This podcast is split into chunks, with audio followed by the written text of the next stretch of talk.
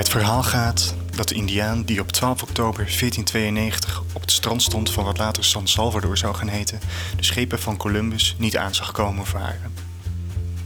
Hij zag alleen vreemde rimpelingen in het water, doordat hij zich een schip niet kon voorstellen. Mensen zijn zo sterk geconditioneerd dat ze alleen dingen kunnen zien die ze kennen en mogelijk achten. Zo luidt de moraal van het verhaal. We weten niet of het waar is, maar we weten wel dat het met de Indiaan slecht is afgelopen. In Schepen aan de Horizon praten we over de vreemde rimpelingen die we zien in de hedendaagse economie en samenleving. Van onstopbare cyberspionage tot digitale skills als bagage. En van magnetisme tegen somberheid tot nutchen door de overheid. Van alles passeert de revue en steeds vragen we ons af: wat zien we hier eigenlijk? En vooral, wat zien we niet, maar komt wel recht op ons af. Welkom bij Schepen aan de Horizon. Dit is de 51ste aflevering. Mijn naam is Juri Sepp. En in deze aflevering spreek ik samen met Ronald Mulder onze speciale gast Robert Lensink. Lensink is hoogleraar Finance verbonden aan de Rijksuniversiteit Groningen en Wageningen University. Met hem praten we over de opkomst en invloed van behavioral economics, ofwel gedragseconomie. Door de inzichten van Nobelprijswinnaars Daniel Kahneman en Richard Taylor heeft deze tak van wetenschap een vlucht genomen en lijkt de invloed steeds groter te worden. Lensink houdt zich in zijn onderzoek onder andere bezig met economische experimenten in ontwikkelingslanden, waarin de theorieën uit de behavioral economics worden toegepast. Wat is behavioral economics eigenlijk? Hoe is het ontstaan? En wat is haar invloed op onze hedendaagse economie en samenleving? We vraagt aan Robert Lensink. Nou, wat is behavioral economics? Ik, je zou het op verschillende manieren kunnen typeren. Maar ik denk dat het belangrijkste van behavioral economics is dat er een, een brug is gelegd tussen economie en, en andere sociale wetenschappen. En dan met name psychologie. Ik denk dat uh, behavioral economics uh, laat zien dat, uh, of, ja, dat heel veel beslissingen die door mensen worden genomen niet op louter economische, rationele redenen worden genomen, maar dat er ja, beslissingen worden genomen op basis van emotionele redenen, onderbuikgevoelen. Soms worden ja, vuistregels gebruikt.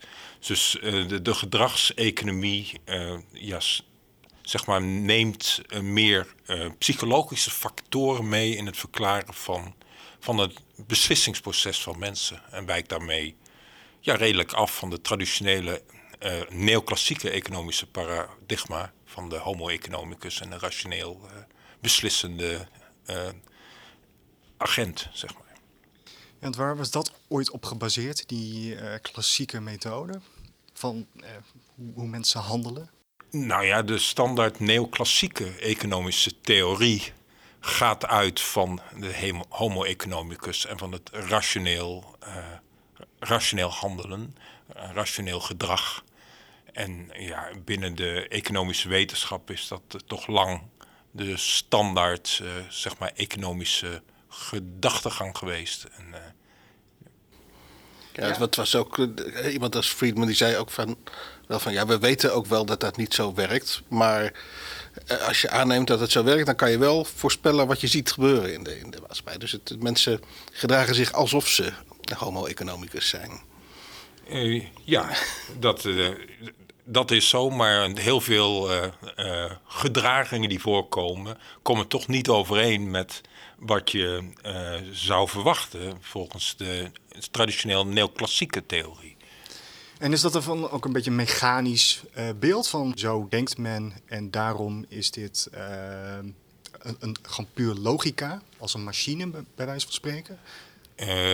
Nou, kijk, de, ik, ik weet niet of je het zo ver kunt gaan dat het een, volledig uh, een, machine is. Nee, de, ik denk dat de traditionele de neoclassieke economie eigenlijk een, een heel mooi raamwerk geeft. Een, een consistent denkraamwerk. En vanuit die gedachte uh, tot een heel mooi, zeg maar ja, theorie, theorievorming is gekomen van hoe mensen zouden handelen.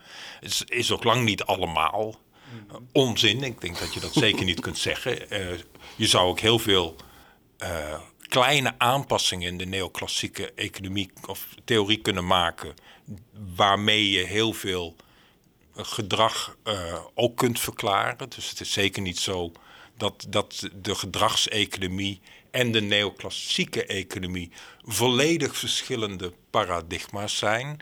Sommige mensen beweren dat wel, maar er zijn ook heel wat mensen die zeggen: nou, de, eigenlijk bouwt de gedragseconomie wel voort op de neoclassieke economie. Er zijn alleen her en der aanpassingen geweest, waarbij er meer rekening is gehouden met de empirie, met het gedrag van mensen. Maar uh, dat wil niet zeggen dat de hele neoclassieke theorie opeens helemaal overboord is gezet. En uh, nee. Nee, het is een mooie aanvulling, als het ware, op die methodologie. Wat zijn eigenlijk volgens u belangrijke inzichten geweest de afgelopen twintig jaar, zeg maar, vanuit de behavioral economics? nou ja, het belangrijkste, dus het standaard idee, dat mensen niet alleen beslissingen nemen op, op gebied van, op zeg maar, economisch rationeel beslissingen nemen. Nou, er zijn allerlei voorbeelden en, en, theorieën die vanuit de gedragseconomie uh, naar voren zijn gebracht. nou, je had het over Thaler, de, de man die de Nobelprijs heeft gewonnen vorig jaar.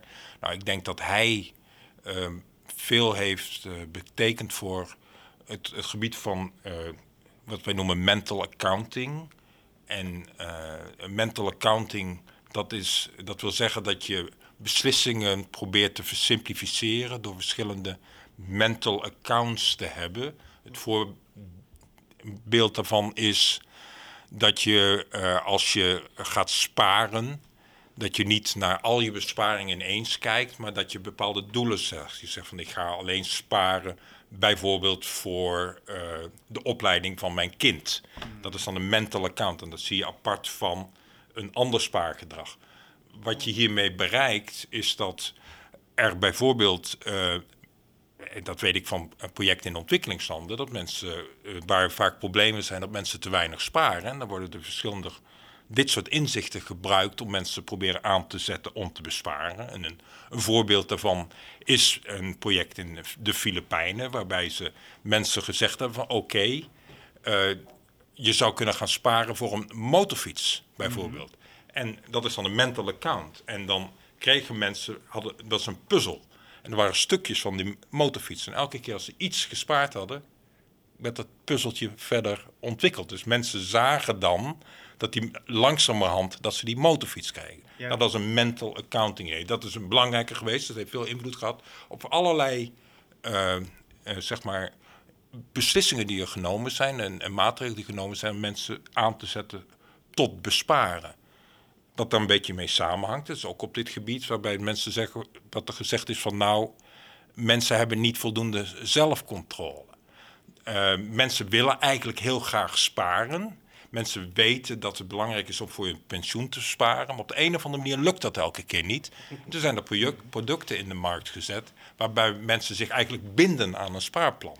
Dus uh, mensen binden zich dan aan. Bijvoorbeeld elke keer zet ik een vast bedrag op mijn spaarrekening en dan mag ik er niet afhalen. En het blijkt dan dat mensen voor zo'n um, product waar ze eigenlijk het geld niet af kunnen halen, dat ze daarvoor kiezen nog eerder dan voor een product waar ze alle vrijheid hebben. Nou, volgens rationele economie is dat heel raar.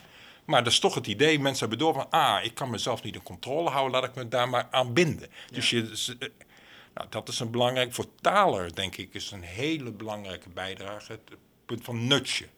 Dat je probeert om mensen een zetje te geven, zeg maar... om een bepaald gedrag te stimuleren. Dat je bepaalde nou, producten probeert te verkopen. Niet om bepaalde regels te stellen, maar om mensen een zetje te geven om dat product te kopen. Nou, de belangrijke voorbeelden zijn denk ik van nou, marketingmensen maken veel gebruik van natuurlijk. Dat ze in winkels bijvoorbeeld producten die wat duurder zijn op ooghoogte zetten. Ja. En dat mensen worden daar gegeven, die gaan die dan eerder kopen. Of dat mensen die zeggen van nou je moet gezonder eten, dat die producten op ooghoogte wordt gezet. Dus het nudging idee.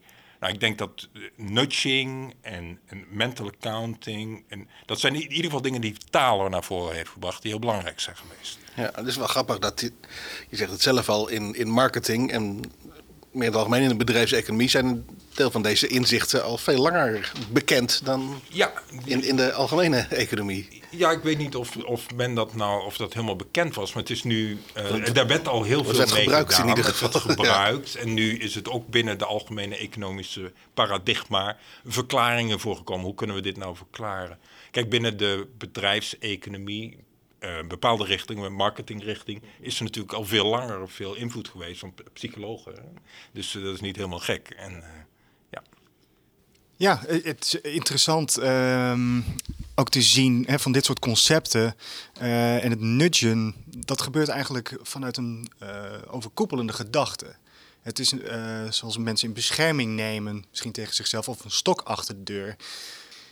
Het lijkt mij ook van, van, van wie gaat daarover om dat eh, te kunnen doen? Hè? Dat is natuurlijk overheidsbeleid, denk ik. Maar je, je gaf net al af, misschien de marketing. Het lijkt ook een soort schimmig gebied daarmee. Van oké, wie, eh, eh, hè, wie kan een beetje in die black box kijken? Die heeft ook een soort macht misschien over iemand. Van Ja, ik denk- jou een bepaalde kant op die ik graag wil. Ja, ik weet niet of het, of het macht is. Ik denk dat overheden, als je over overheden praat, natuurlijk probeert om, om beleid te voeren waar het meest effectief is. En eh, overheden hebben eh, veel gebruik gemaakt van inzichten vanuit de gedragseconomie. Eh, Cameron in Engeland heeft echt een nudge-team opgezet om te gaan denken over hoe kunnen we dat nudging-idee gaan gebruiken om een bepaald beleid door te gaan voeren. En nou, er zijn een aantal voorbeelden van. Het is wel een grappige. Er was een, een regeling in Engeland waarbij mensen hun zolder konden renoveren. En eh, daar werd helemaal geen gebruik van gemaakt van de regeling. En toen hebben ze dus naar dat nudge-team naar gekeken. En dat bleek dat mensen eigenlijk er niet gebruik van maakten... omdat de vlieringpark helemaal vol met troep lag. En toen hebben ze die regeling uitgebreid met mogelijkheid om die troep eerst op te laten houden. En toen ging die heel goed eh, eh, lopen. Een ander bekend voorbeeld is, eh, wat hetzelfde nudge-team gedaan heeft in Engeland... is dat het een belangrijk probleem is dat belastingen vaak te laat worden betaald door mensen. En nou, dit is een bekend voorbeeld dat ze op een gegeven moment alle mensen die te laat betaalden niet een boete hebben gegeven, maar een brief hebben gestuurd met, waarin stond van u behoort tot de 5%, klein aantal mensen die de laat, te laat die belasting betaalt. En toen ging iedereen opeens terugbetalen. En er wordt dus bewust in overheidsbeleid gezocht naar eh, mogelijkheden ja, om, om beleidsmaatregelen effectiever te maken. En er wordt, nou ja, regelmatig gebruik gemaakt van, van gedragstheorie. En ik vind het dan grappig om te zien dat iemand als Cameron heeft een nudge-team opgezet. Eh, Obama had ook op een gegeven moment een team van gedragseconomen aangesteld om proberen het beleid te beïnvloeden en te kijken hoe kunnen wij gebruik maken van gedragseconomische inzichten om ons beleid beter door te voeren. En of dat dan bedonder is, dat weet ik niet, maar ik denk dat het wel, wel slim is. Want je wil gewoon bepaalde beleidsmaatregelen meer eh, effectief Zijn er ook eh, voorbeelden in Nederland momenteel die jij ziet van hey, dit is een duidelijke behavioral, economical eh, hand in dit beleid wat je nu ziet? Misschien de donorwet? De donorwet is iets natuurlijk als een voorbeeld, maar dat, ja, dat, dat, dat, dat zou je als een voorbeeld kunnen noemen. Want ja, mensen zijn eh, gewend aan, aan zeg gewoon vanuit de gedragseconomie weet je dat, of is een van de dingen die er gezegd wordt, dat men graag eh, teruggrijpt op wat er al is.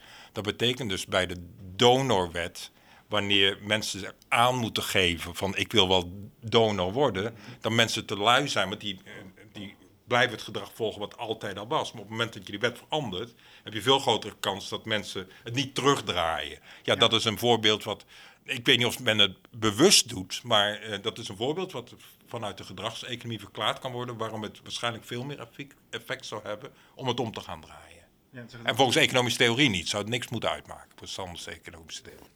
Nee, dat kost eigenlijk meer energie om iets eh, in actie te komen. Dus als je de, de, de default setting heet dat, hè, je, de, de standaard van oké, jij bent eh, donor mits jij dus bezwaar maken, is het bezwaar maken dus een handeling wat al denkwerk en moeite kost. Ja, en ik, ja, nee, daar heb je zeker gelijk in. Kijk, de, de, het idee van dat de default heel belangrijk is, is een van de, ja, de biasen waar ze in de gedragseconomie erg over praten. En, ja, dit is er een goed voorbeeld daarvan.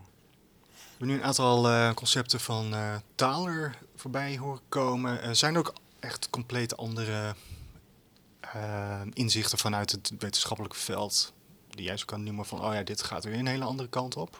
Ik weet niet of het zo erg de andere kant op zijn. eh, Belang, er zijn allerlei belangrijke concepten die uit de gedragseconomie komen en die met talen geassocieerd, met Kahneman geassocieerd zijn of, of, eh, of Tversky, om dan een hele hoop gedragseconomie. Belangrijk voorbeeld of een belangrijk concept is, is eh, aversie tegen verlies.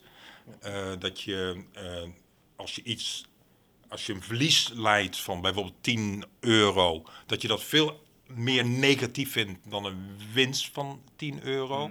Nou, dat, waar kun je dat nou in gebruiken? Dat kun je gebruiken om bepaalde eh, eh, maatregelen weer nemen om anders te framen. Een voorbeeld hier is bijvoorbeeld, een voorbeeld bijvoorbeeld, maar een, een, een bekend uit de, de, de eh, onderzoek is dat als jij eh, eh, studenten aan wil zetten om zich, of eh, middelbare scholieren aan wil zetten om eerder zich in te schrijven voor een bepaald programma, dan kun je twee dingen doen. Je kunt zeggen, als je te laat inschrijft, dan krijg je een boete, dan krijg je die beurs niet. Of als je te vroeg inschrijft, dan krijg je een korting. Nou, die eerste heeft veel meer effect, want dan, dan, eh, dan, zeg maar, dan frame je op iets verlies.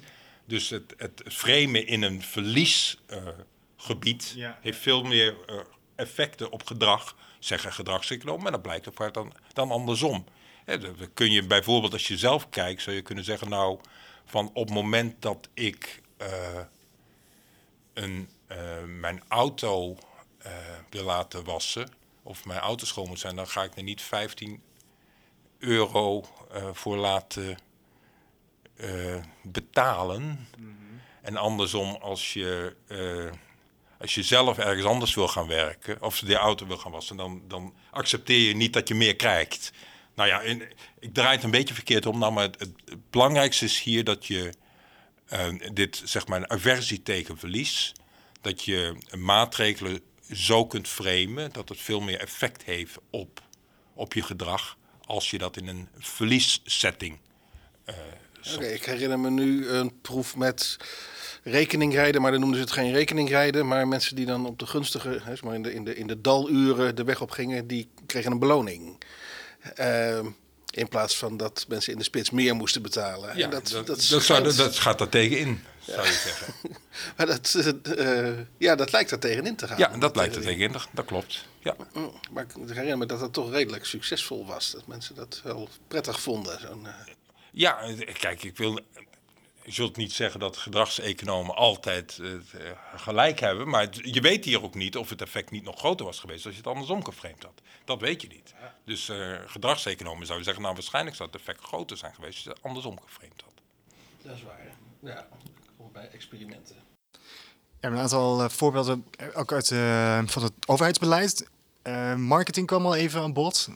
Eh, bijvoorbeeld een product op ooghoogte. Zijn er nog andere ontwikkelingen bijvoorbeeld die je in de dagelijkse supermarkt kunt zien? Eh, nou, ik weet niet zozeer in, in, in, in supermarkt. Ja, er zullen allerlei dingen gebeuren. Bepaalde soort plaatjes die je gebruikt. Hoe je een bepaald product misschien eh, een heel gezond iemand bijzet. Of en bij donatiedingen zie je het nu natuurlijk vaak waarbij organisaties die geld proberen binnen te halen. Een, een, een heel zielig eh, arm kind eh, op een foto zet. Nou, dat zijn ook eh, eigenlijk marketingachtige trucs om daar dan om geld binnen te halen. En in winkels gebeurt het natuurlijk ook door bepaalde plaatjes te laten zien en op een bepaalde manier je product aan te bieden. Pricing, herinner ik me ook. Was het ook Kahneman die daar onderzoek naar heeft? De de prijs, prijsstelling van producten. Als je, als je een goedkope en een dure variant neerzet, dan kiezen veel mensen de goedkope variant. Maar als je er nog een, nog een duurdere naast zet, dan kiezen de meeste mensen die middelste. Eh, Ja, dus dus als je langs de wijnschappen loopt, dan zie je dat wel terug, dat principe. Ja, ja, ja. Nou ja, er zijn, nou, je hebt het dan over eh, ideeën die daaruit voortkomen. En je hebt er natuurlijk heel veel. Een, een, een bekende is ook wat ze noemen het, het endowment effect. Waarbij als je een bepaald product een tijdje hebt, ga je er veel meer waarde aan toedichten. Dan zijn er allerlei onderzoeken gedaan van mensen die bijvoorbeeld die hebben een fles wijn gekocht voor 5 euro. En een half jaar later probeert eh, de, slijter die komt bij je en die zegt wel ik wil hem wel terugkopen voor 35 euro, maar dat je dat dan niet wil. Want dan, en dat, dat, is heel raar. Maar dat schijnt, ja, dat schijnt vaak voor te komen. Dus mensen waarderen heel, dingen heel anders in. En wat misschien ook belangrijke inzichten zijn, is dat je uh, bepaalde. Uh, uh, als, als er een kans is, als de kans op een bepaalde gebeurtenis heel klein is, dat mensen daarvan vaak de kans veel te hoog inschat. Vliegtuigongelukken bijvoorbeeld? Ja, ongelukken of grote prijzen winnen of, of ja, ze helemaal geen prijzen winnen. Dus mensen doen graag mee met een loterij, schatten die kansen eigenlijk, dat zou krijgen, veel te hoog in. Ja, dat is een beetje een media-effect, toch? Ja. Van, omdat het in dit nieuws komt, uh, je wordt dagelijks aan het nieuws blootgesteld. En dat zijn altijd uitzonderingssituaties, maar omdat je daar vaak mee geconfronteerd wordt, lijkt het alsof die kans ook enorm, of enorm veel groter is eigenlijk. Uh, dat deed me ook een beetje denken wat je net noemde aan de uh, sunk cost. Hè, van mensen die uh, hun spullen bewaren omdat ze daar ooit veel voor hebben betaald, maar het niet meer gebruiken. En ja. ja, dus ook een soort, en, dat is een soort endowment effect. Ja, ja, dat klopt. Uh, ja, voordat we gingen opnemen sprak je even over uh, jouw specifieke werkveld uh, experimental design. wat, wat ben je aan het experimenteren? Nou, van, van allerlei dingen. Wat, wat, wat ik doe is, ik, ik kijk naar ontwikkelingsinterventies. interventies in ontwikkelingslanden op allerlei gebied. En kijk daarna of het wel of niet werkt. En dat kan zijn, ik noem iets microkrediet, of dat kan zijn een verzekeringsproduct, of dat, van allerlei dingen kunnen dat zijn. En uh, experimental, omdat ik dat probeer te doen op een manier om, via zogenaamde randomized control trials, zoals we kennen vanuit de medische wetenschap. En daar is vaak ook gedragseconomie bij gebruik om bepaalde uh, verklaringen uh, te zoeken, zeg maar. Ja. En, en ook ja, gedragseconomie gebruik om ja, bepaalde producten op een bepaalde manier te designen. Of, anders in de markt te zetten. En ja, ik kan, ik kan wel voorbeelden proberen te zoeken. Kijk, ik ben nu bezig met een opzet van een. met samenwerken met een grote bank in Zuid-Afrika. Dus een niet heel erg ontwikkelingsland in dit geval, maar daar die bank die probeert een mensen aan te zetten. Dat zijn mensen die hebben een, een lopende rekening en een spaarrekening. En die bank die probeert nu mensen zover te krijgen om een stoporde te geven, dat er een automatische overbetaling komt van de lopende rekening naar de spaarrekening. En nou, een van de wat, wat we hier gaan doen is, uh, we proberen A, uh, mensen via verschillende trucs aan te zetten om, om, meer te gaan besparen, om die stoporde te nemen. Maar belangrijker voor ons is om via deze bank een aantal gedragseconomie-theorieën te gaan testen. En een van de uh, gedragseconomie-theorieën is dat mensen time inconsistent zijn. Dat wil zeggen, als je mensen keus geeft van oké, als je keuze hebt tussen 10 euro nu of 11 euro morgen, ja, dan kun je bijvoorbeeld zeggen: ik kies voor 10 euro nu. En als je dan zegt van nu, van als je over twee jaar de keuze hebt van 10 euro en over twee jaar en één dag 11 euro, dan zeggen mensen: oh, dan kies ik voor die 11 euro. En dan zit maar één dag tussen. Volgens de standaard-economie zou je daar dezelfde keus moeten maken. Nou, wij proberen hier met, dat, met die bank in Zuid-Afrika deze theorie te testen. Door mensen te zeggen, als jij gaat sparen, automatisch gaat sparen, dan krijg je een beloning van ons. En nu mag je kiezen. Je mag kiezen tussen de beloning van 10 euro nu of 15 euro morgen. En een andere groep vragen we van je kunt 10 euro over een jaar krijgen of 15 euro over een jaar en een dag. En dat zou dezelfde uh, resultaten op moeten leveren. Nou, op die manier gaan we testen, klopt deze behavior economics theorie nou? En wat we daaraan vast gaan koppelen, is we weten vanuit de uh, gedragseconomie dat mensen die time inconsistent zijn, die dus dat niet goed doen, dat die die dus omdraaien van gedachten, dat die een grote voorkeur hebben om commitment savings te gaan doen, om, vastgelegd te worden en ook om zich te framen op bepaalde producten. Dus we gaan dat ook kijken naar die mensen die dit inconsistente gedrag hebben, of die meer bereid zijn om te gaan sparen als we dat zeggen van oké, je krijgt nu stoporde, maar dat is met name voor uh, bijvoorbeeld uh, gezondheidszorg. Of mensen daar dan meer gevoelig zijn om uh, dan te gaan sparen als we dat op die manier gaan framen. Nou, dit, dit, is een, een van voorbeeld waarbij we, duid, waarbij we meer gedragseconomie gaan testen met een experiment. Ja. ja, het is ook wel grappig dat je dan accepteert dat er verschillende soorten mensen zijn. Hè? Er, zijn verschillende, er zijn mensen die wel die inconsistentie hebben en mensen die dat niet hebben. En terwijl in de, in de, in de traditionele economie vaak alleen maar met één standaard actor wordt gewerkt die ja, representatief is voor en, een doorsnee mens. Ja, ja, en hier is het, kijk, wat dat inconsistentie, de tijdsinconsistentie, wat wij hier gaan testen. Uh, ik eh, dat is op zich wel aardig dat we het doen, want er is veel onderzoek naar gedaan, maar eigenlijk alleen in laboratoriumsettings met studenten. Dit specifiek iets. Heel veel dingen zijn wel in de werkelijkheid, maar deze specifieke theorie is vaak in laboratoriumsettings. Ofwel met hele arme mensen in ontwikkelingslanden.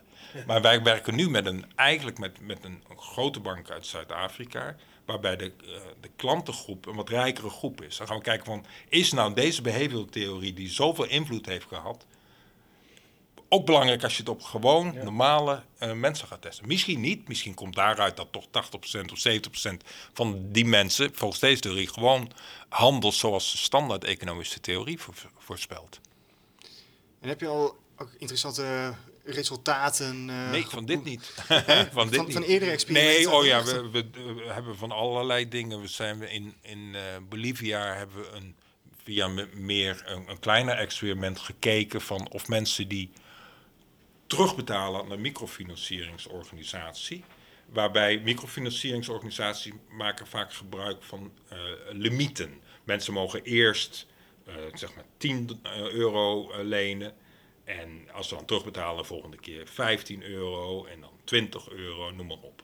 Ja, dus mensen ze mogen niet ineens lenen wat ze willen. En wat we gekeken hebben, of mensen nou uh, die dit soort limieten gesteld hebben, die limieten als een referentiekader gaan gebruiken. Dat op het moment dat die limiet opeens weg is, gaan ze dan de volgende keer gewoon weer 10 euro lenen. Of gaan ze dan opeens toch 100 euro lenen. Met de gedachte, en dat komt uit uh, gedragseconomie, mensen zeggen, we weten eigenlijk, die vinden de ingewikkeld wereld te ingewikkeld.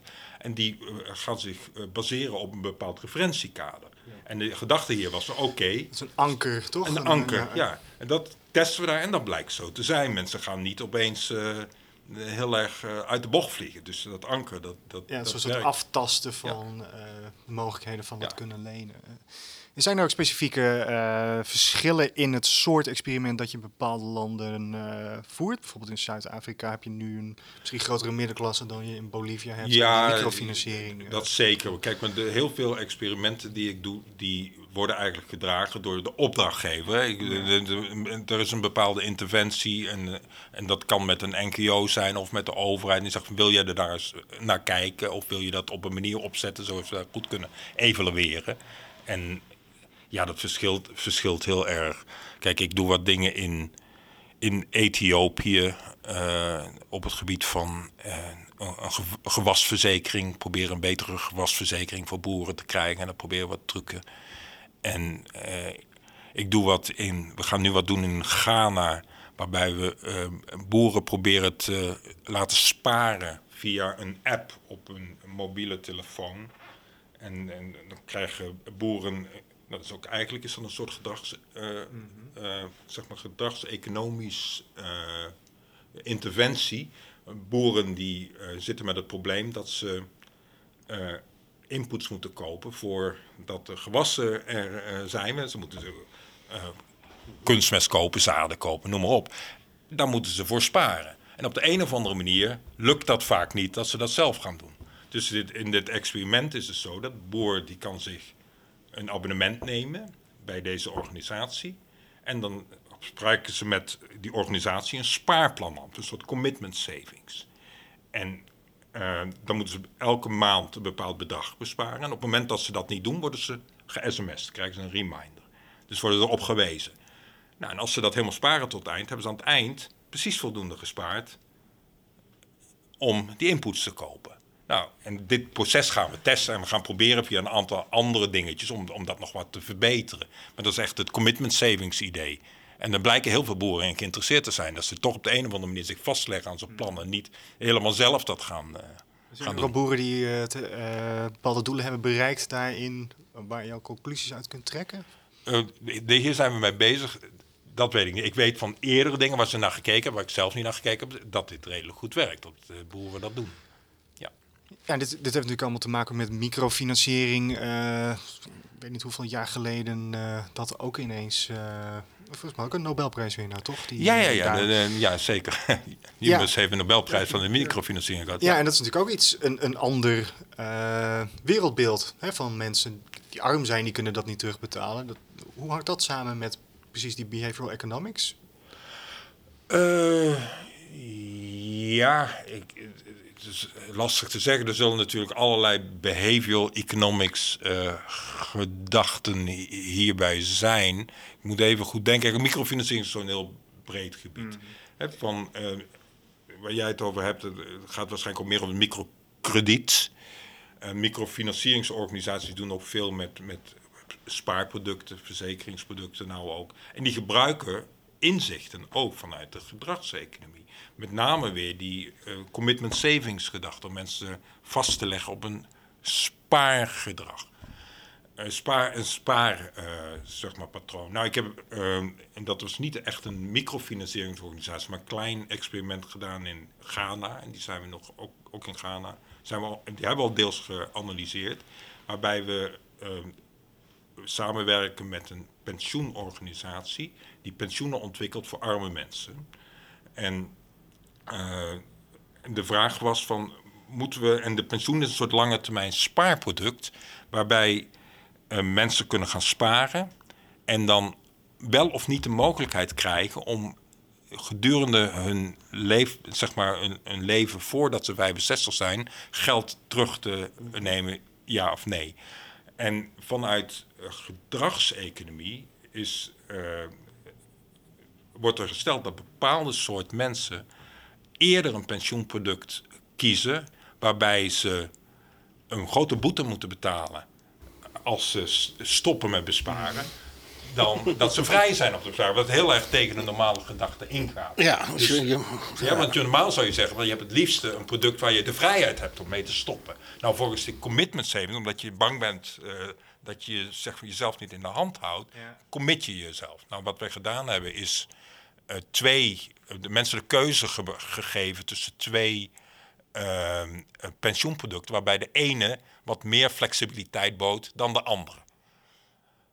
Toen werd toch het meer flexibele product werd meer gewaardeerd. Dus dat gaat dan deels in tegen die gedachte. Maar goed, helemaal vreemd is het ook niet. Is dat ook te verklaren waarom precies uh, net dat flexibele product? De, de, het flexibele product was hiervan dat mensen uh, meer mogelijkheden kregen om te stoppen met het uh, spaarproduct. en, en, nou, het blijkt dat uh, daar mensen toch voor kozen. We zijn nu aan het kijken van nu groepen mensen verdelen in verschillende groepen. Welke mensen kiezen nou voor het ene? Welke, welke gedraagt zich nou meer volgens wat we vanuit normaal economisch inzicht hebben? En welke gedraagt zich nou meer volgens de gedragseconomie? En daar, dat zal zeker een deel zijn die beter te verklaren is volgens de gedragseconomie dan de andere. Wat ook weer een beetje aangeeft dat de neoclassieke economische gedachte niet helemaal weg is. Dus, uh, natuurlijk, heel veel mensen zullen wel zo uh, reageren, maar lang niet iedereen. Even denken aan uh, jouw experiment met de festivalverzekering, Ronald. Zou je daar dit soort, dit soort inzichten misschien op kunnen toepassen? Even een zijweg. Ja, dat, dat, wat, wat, ik gedaan heb is vorig jaar op. het doel was om te kijken hoe. Um, hoe je uh, uh, elementen van, van, van uh, groepsgevoel, community denken, of je dat in een, in, in een verzekeringsproduct zou kunnen krijgen. Dus we hebben toen de festivalverzekering verzonnen op, op Into the Great Wide Open, festival op Vlieland.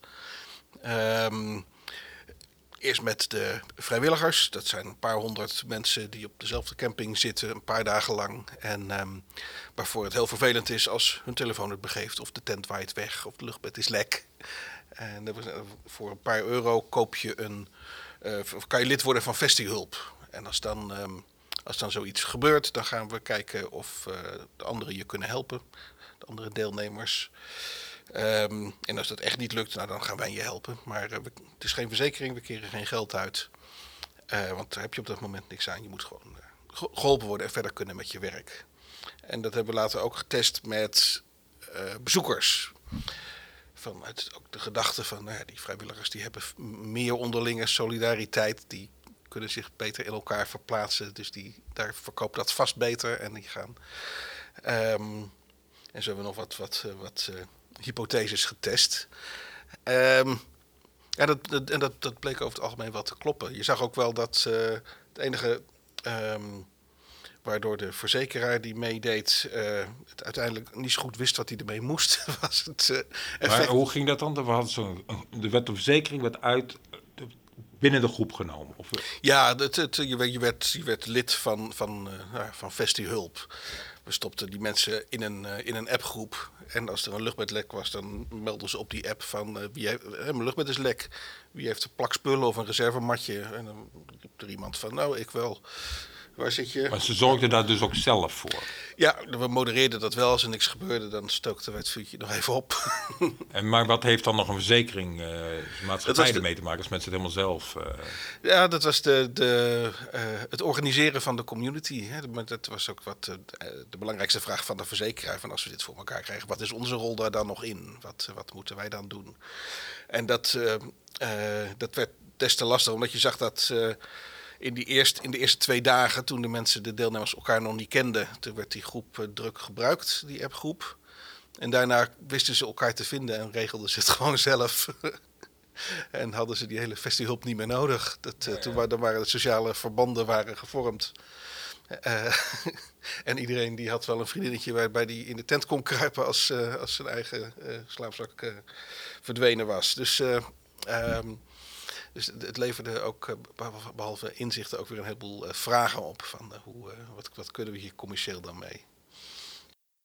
Ja, nou ja, groepsgedrag is natuurlijk een, een, een, een, belangrijk iets voor, voor het soort werk wat ik doe in ontwikkelingslanden. Niet, ja, dat, in zekere zin hangt dat ook weer met gedragseconomie samen. Want vanuit de neoclassieke economie kijken we natuurlijk veel meer naar het echt het individu. En hier komen bij groepen komen veel meer naar sociale redenen, eh, sociale preferenties naar voren. En ja, dat zijn allerlei dingen. Nou, de, microkrediet natuurlijk uh, is daar deels op gebaseerd, met, waar mensen jointly liable zijn uh, voor de terugbetaling van een lening.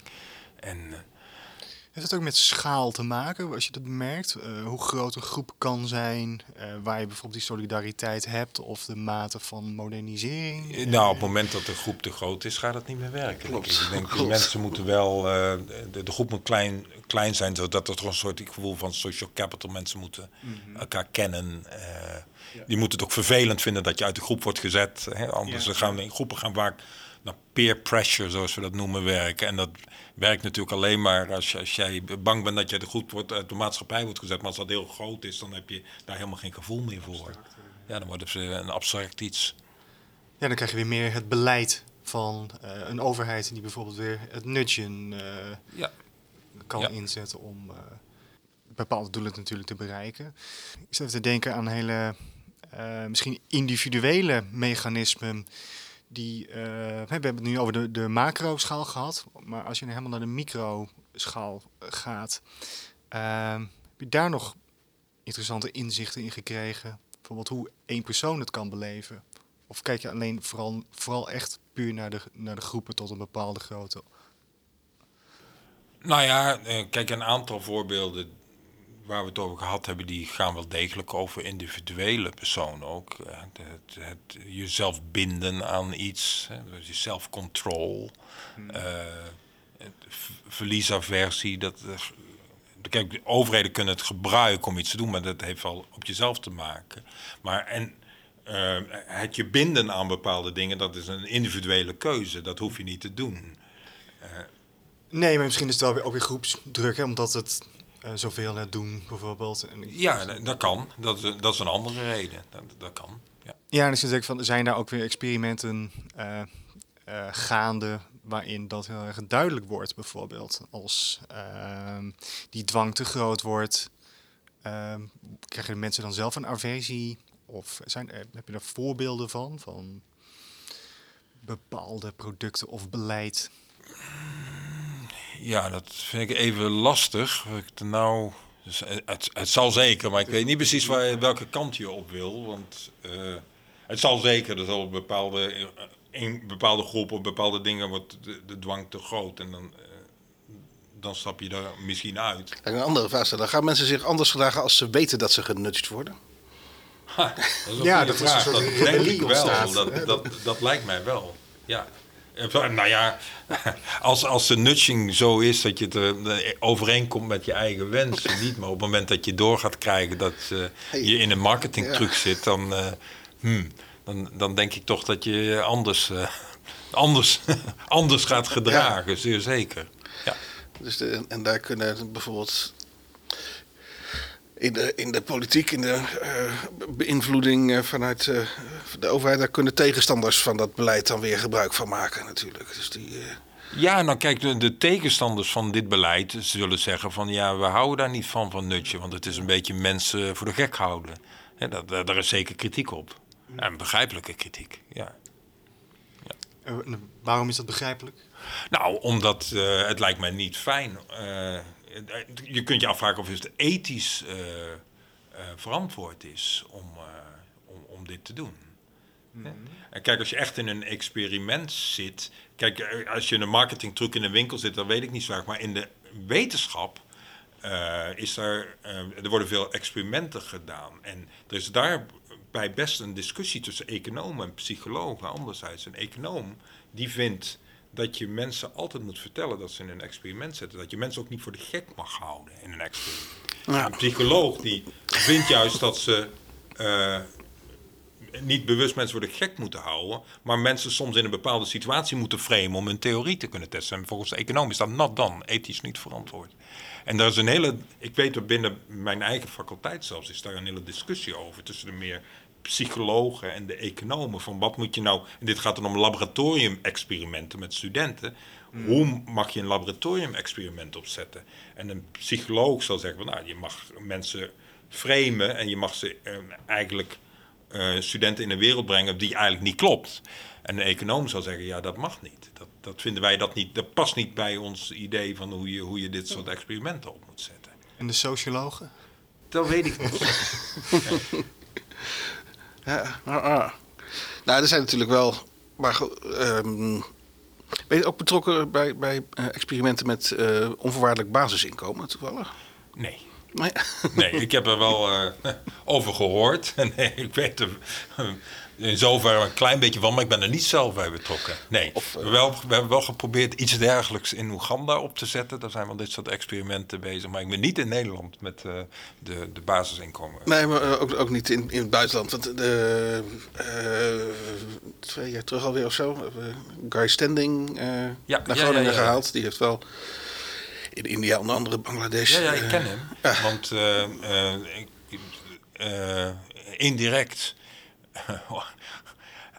vanwege een, een ander project wat ik in India gedaan heb, waar hij in het team zat en ik in het team zat. En dat ging over een project met een, uh, uh, een vrouwenorganisatie in India. Uh, waar we keken naar het geven van een, een cash transfer. Dat zit dat eigenlijk op dat gebied. ja, dat, nee, dat, dat komt er heel dichtbij. En ehm, maar er is ruzie ontstaan in het project. Dus uh, uh, de organisatie waar ik mee werkte en waar ik de adviseur voor was, daar de directeur van kreeg zo'n ruzie met Kai Standing. En dat is geklapt. Dus, maar ik heb zijn boek wel. Maar ik, ik, kan er wel iets over vertellen. We hebben in India een experiment gedaan naar. Uh, dat noemen ze, uh, dat is een soort cash transfer. En de vraag is, en dat is ook een discussie tussen economen en, en, en, niet-economen, weet je, van moet je, als je mensen geld geeft, moet je dat geven voor dat ze dan een bepaald product kunnen besteden? Of moet je het gewoon unconditional geven, dat mensen zelf mogen bepalen waar ze het aan besteden? En in, Engel, en in India hebben ze een, een zogenaamde BPL-kaart, mensen, Below Poverty Line Card. Iedereen die beneden de Poverty Line Card, die krijgt een, een kaart, een soort subsidiekaart, die men kan gebruiken om naar een uh, subsidiewinkels te gaan om bepaalde producten te kopen. En dat gaat dan met name om rijst en granen en, en, en weet ik, van dat soort producten, voedselproducten. En het experiment wat wij gedaan hebben in Delhi is dat we voor een deel van Delhi mensen de mogelijkheid gegeven hebben, mochten kiezen, mogelijkheid gegeven om in plaats van die kaart een, een unconditional cash transfer te kijken. Oh. En waar wij naar gekeken hebben, vervolgens is wat dat voor effecten heeft op de nutritional intake van mensen. En een, hier is echt een groot verschil tussen economen en, en, en, en, sociologen en, en antropologen. Uh, een econoom zal zeggen, je moet altijd een unconditional cash transfer geven. In ieder geval een traditioneel econoom. Een, gedragseconoom misschien wat minder, maar een traditioneel econoom zal zeggen, ja, je geeft de meeste keuzeruimte aan mensen door ze zelf te laten kiezen. Mhm.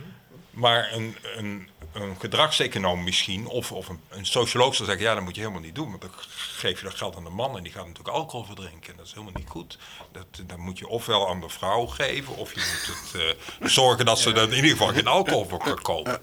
En, nou, we hebben dat getest, in ieder geval in de test die wij gedaan hebben, we geen negatieve effecten gevonden van mensen. Gewoon unconditional cash transfer. Mensen bleken best verstandig te zijn. Mensen bleven redelijk verstandig. En dat kan natuurlijk mis. Ja, bleven verstandig. Hebben wel een aantal gevallen wat misgaan, over het algemeen niet. Het belangrijkste effect wat we vonden, dat was wel grappig, was dat in de gebieden waar wij mensen de mogelijkheid geven om zelf het geld eh, te gebruiken, werd er meer, werden de winkeltjes, die gesubsidieerde winkels, die normaal producten leveren aan mensen die zo'n kaart hebben, die werden veel efficiënter. Normaal hadden zij geen concurrentie. Nu mochten mensen opeens overal het geld gebruiken. Dus die werden uit de markt geprijsd. Dus nou, dat, dat, een voorbeeld daar, wat zeg maar de, de meer normale economie gedachte ondersteunde. En daar is veel meer onderzoek naar gedaan de laatste jaren. Dat het als je geld geeft in ontwikkelingslanden, dat gaat ook die basiseconomie, geef het gewoon een, zonder voorwaarden. Onder andere uh, niet alleen vanwege het feit dat het misschien meevalt dat mensen slecht gaan gebruiken, maar ook, als je, en dat zal ook een econoom zeggen, als je voorwaarden gaat stellen, dan krijg je hele bureaucratie erin. Want op het moment dat je gaat zeggen, je mag het alleen maar voor dit doen, alleen deze mensen mogen maar die en niet, dan komen allerlei politieke spelletjes, waardoor misschien het effect wel weg is. Maar goed, Kai Standing was in ieder geval daar niet bij betrokken, maar het andere deel van het project wel. Ik vind het ook wel wel. Uh, heb je ook getest van wat de mensen zelf kiezen? Als je ze laat kiezen tussen die eh, BPL-kaart ja, of ja, ja, unconditional? Wat we gedaan hebben is heel simpel. We hebben, uh, want we mochten niks opdringen hier. We hebben eerst een survey gedaan onder mensen. En hebben we gevraagd van oké, okay, gezegd jullie gaan misschien jullie zitten in een experiment. Jullie hebben de BPL-kaart. Willen jullie de mogelijkheid hebben om dat om te draaien in een unconditional cash transfer voor één jaar? Moet je aangeven. Als je niet wil, dan, dan hou je dit gewoon. Maar als je het wel geeft, kom je op een lijst te staan. Toen hebben al die mensen die aangegeven hebben, dat hebben we van tevoren gezegd, die dat wel wilden, die hebben we gerandomiseerd. En sommigen kregen de mogelijkheid om uh, unconditional te doen. En anderen moesten BPL-kaart houden. Dat hebben we van tevoren verteld. Dus we wisten van een bepaalde groep van mensen dat, die dat niet wil. Toen hebben we, na een half jaar, hebben we mensen de mogelijkheid gegeven om hun terug te switchen. En mensen die het niet gedaan hebben, om erin te switchen. Met het idee, en dat is wel weer een beetje bevel economisch idee, van dat is signalt. Je, je durft niet zo goed. Je moet eerst zien dat het werkt. Van, want je gaat je refereren aan anderen. Toen bleek dus van de groep van mensen die in de eerste instantie niet willen, een heel groot deel in de tweede ronde, ze hebben nee, ik toch maar aan die unconditional. en er waren maar heel weinig mensen die terug switchen naar andersom. Dus. Ja, ja, ja, dus bij verandering is de kat uit de boom kijken. Eigenlijk zijn het vaak hele voor de hand liggende inzichten. Hè? Hele voor, voor, de hand liggende inzichten. Maar het moet vaak uh, eerst getest worden, wil dat uh, natuurlijk uh, ja. groot worden een leuk experiment. Maar goed, daar ben je dan toch een paar jaar mee bezig. Dat, ja, want hoe lang duren de gemiddeld... Dat dit soort, ja, kijk, heel verschillend natuurlijk. Heel veel behavioral economische uh, dingen worden getest in lab settings, in laboratoria. Uh, deels vanuit, vanuit de wetenschap. Er wordt natuurlijk heel veel gebruik gemaakt van uh, gedragseconomische inzichten door marketeers in winkels en door overheden. Maar de testen van de theorie wordt heel vaak gedaan in laboratoria, met studenten, noem maar op. Nou, dat gaat vrij snel. Wanneer je in het veld wat wil doen, een experiment op moet zetten, ja, dan, dan eh, ligt, dan duurt het net zo lang, uh, ja, dan kan het een paar jaar duren. Want wat wij meestal doen is, je spreekt met een organisatie af van jullie gaan een bepaalde interventie doen. En uh, nou, dat kan zijn bijvoorbeeld het geven van krediet aan bepaalde mensen, of het kan zijn een bepaald verzekeringsproduct of een nieuw verzekeringsproduct. Nou, en dan spreken we voordat we met de interventie beginnen, spreken we af van hoe gaan we die interventie doen. Dan gaan we verschillende groepen maken van mensen die we met elkaar kunnen vergelijken om te testen wat werkt nou beter, dit of dat. En dat doen we voordat de interventie komt, hebben we, doen we voor nulmeting vaak. Dan laten we de interventie gebeuren, nou, meestal een jaar of zo. En dan na een, een jaar uh, doen we een eindmeting. En kijken van, uh, nou, wat is er veranderd? En dan gaat de analyse. Dus meestal ben je er wel een jaar of twee, drie mee bezig voordat je een beetje resultaten hebt. Dus, uh... En wat zijn volgens jou uh, zeg veelbelovende experimenten die je zelf uitvoert, of misschien nu vanuit het veld waar je over hoort, waarvan je denkt: hé, hey, dit kan echt zeer interessant zijn? Oh ja, heel veel. ik weet niet of het allemaal met uh, ge, ge, gedragseconomie te maken heeft. Kijk, dingen waar ik zelf mee bezig ben, uh, die ik interessant vind, zijn interventies om, om, om intimate partner violence te verminderen. Dus zeg maar de geweld binnen gezinnen. Dat zijn dingen waar ik de laatste tijd veel, meerdere dingen op gedaan heb. Gekeken naar hoe je met, met name met microfinancieringsinterventies female empowerment kunt verbeteren. En ook kunt zorgen dat ofwel fysiek of seksueel geweld binnen gezinnen vermindert. En, en, en, en wat voor, ja, wat voor een daar kun je verschillende interventies voor doen. En daar, hebben we, we hebben gendertraining gedaan. En kunt een helptraining doen. Je kunt, de vraag er dan erbij is van, moet je bij zo'n training de man bij betrekken of juist niet? Mm. En als je die man erbij haalt, gaat het dan beter of, of, of juist slechter? we hebben een aantal van dit soort dingen gedaan. Eentje die we net hebben afgerond. Wat blijkt daaruit trouwens? die, nou, die... dat, het was een beetje dubbel. Uh, het bleek niet altijd even goed te zijn om de man erbij te halen. Uh, dat, dat is een. Vanuit de microfinanciering wordt er vaak gezegd dat je moet. Het zijn vaak vrouwengroepen, zou je de man bij moeten halen, omdat je dan uh, de man ook bij het hele proces betrekt, waarbij waardoor de man beter ziet van wat voor problemen de vrouw mee te maken krijgt, bla bla bla. Nou, de experimenten waar wij gedaan hebben, kwam dat niet zo hard uit. Maar uh, we, we, hebben uh, nou recentelijk iets afgerond waarbij we gekeken hebben naar, uh, en dat is dan weer een, be een beetje vanuit de gedragseconomie, waarbij we mensen de keuze hebben, waar we mensen keuze voor hebben gelegd. We hebben gezegd van oké, jij mag je krijgt, ik mag kiezen tussen 10 eh, euro kun je krijgen of 12 euro. Maar als je 12 euro krijgt, dan zeggen we het wel je man. En, uh, en we betaalden ook echt dat geld, de keuze. En dan zijn we volgende, oké, okay, nou heb je gekozen en nu je dus houdt gewoon uh, ehm, 10 euro uh, zelf. Nu krijg je weer 10 euro, maar dan kun je 13 euro krijgen als ze je man geven. En dan gingen we kijken van hoe ver zijn mensen bereid om eh, geld achter te houden. Want dat is in ontwikkelingsland. Om allerlei redenen is, is voor vrouwen soms goed om geld achter te houden. Want uh, ja, de, de, steekpatroon van vrouwen is, is, wensen zijn vaak anders dan voor mannen. Wordt meer voor kinderen besteed, bla bla bla. Nou, we hebben gekeken, we hebben dit experiment in in Vietnam gedaan. En hebben gekeken van, is er nou een verschil als mannen daarbij, bij de, met zijn gendertraining, we hebben gekeken van of dit gedrag van geld achterhouden beïnvloed is door de gendertraining. En ook als mannen erbij waren bij de gendertraining. En het bleek dat als mannen erbij waren geweest, dat vrouwen meer de neiging hadden om geld achter te houden. maar het goede nieuws was, en dat vonden we heel opvallend, we hadden ook vrouwen de keus gegeven om. Uh, jij kunt 10 euro krijgen, maar ook 8. En als je 8 euro krijgt, vertel het je man. En 60% van de vrouwen kozen voor deze optie. Dus die waren zo erg. Uh, ja, wilden zo eerlijk zijn, zeg maar. We hadden allemaal trucs ingebouwd dat ze nooit achter kunnen komen, hoor. Maar die kozen daarvoor. En wij hebben dat toen een beetje verklaard vanuit nou, confucianistische gedachten, culturele gedachten. Dus daar heel belangrijk in die cultuur, dat je niet liegt, dat je eerlijk blijft, noem maar op. Dus, uh, nou ja, dat is... Uh, ik, Iets wat, wat ik gedaan maar op het gebied van, dat, dat vind ik leuk uh, dingen om naar te kijken. Uh, dit gaat dan over vrouwen, uh, positieverbetering, maar met name het, ja, wat ik zelf heel spannend vind, is kijken naar mogelijke interventies om geweld binnen gezinnen te verminderen. En wat je dan kunt doen, hoe je dat dan kunt verklaren. Bargaining power tussen de man en de vrouw. Zijn er ook nog dingen die uh, misschien voor ons worden achtergehouden als uh, niet, uh, nietsvermoedende consument of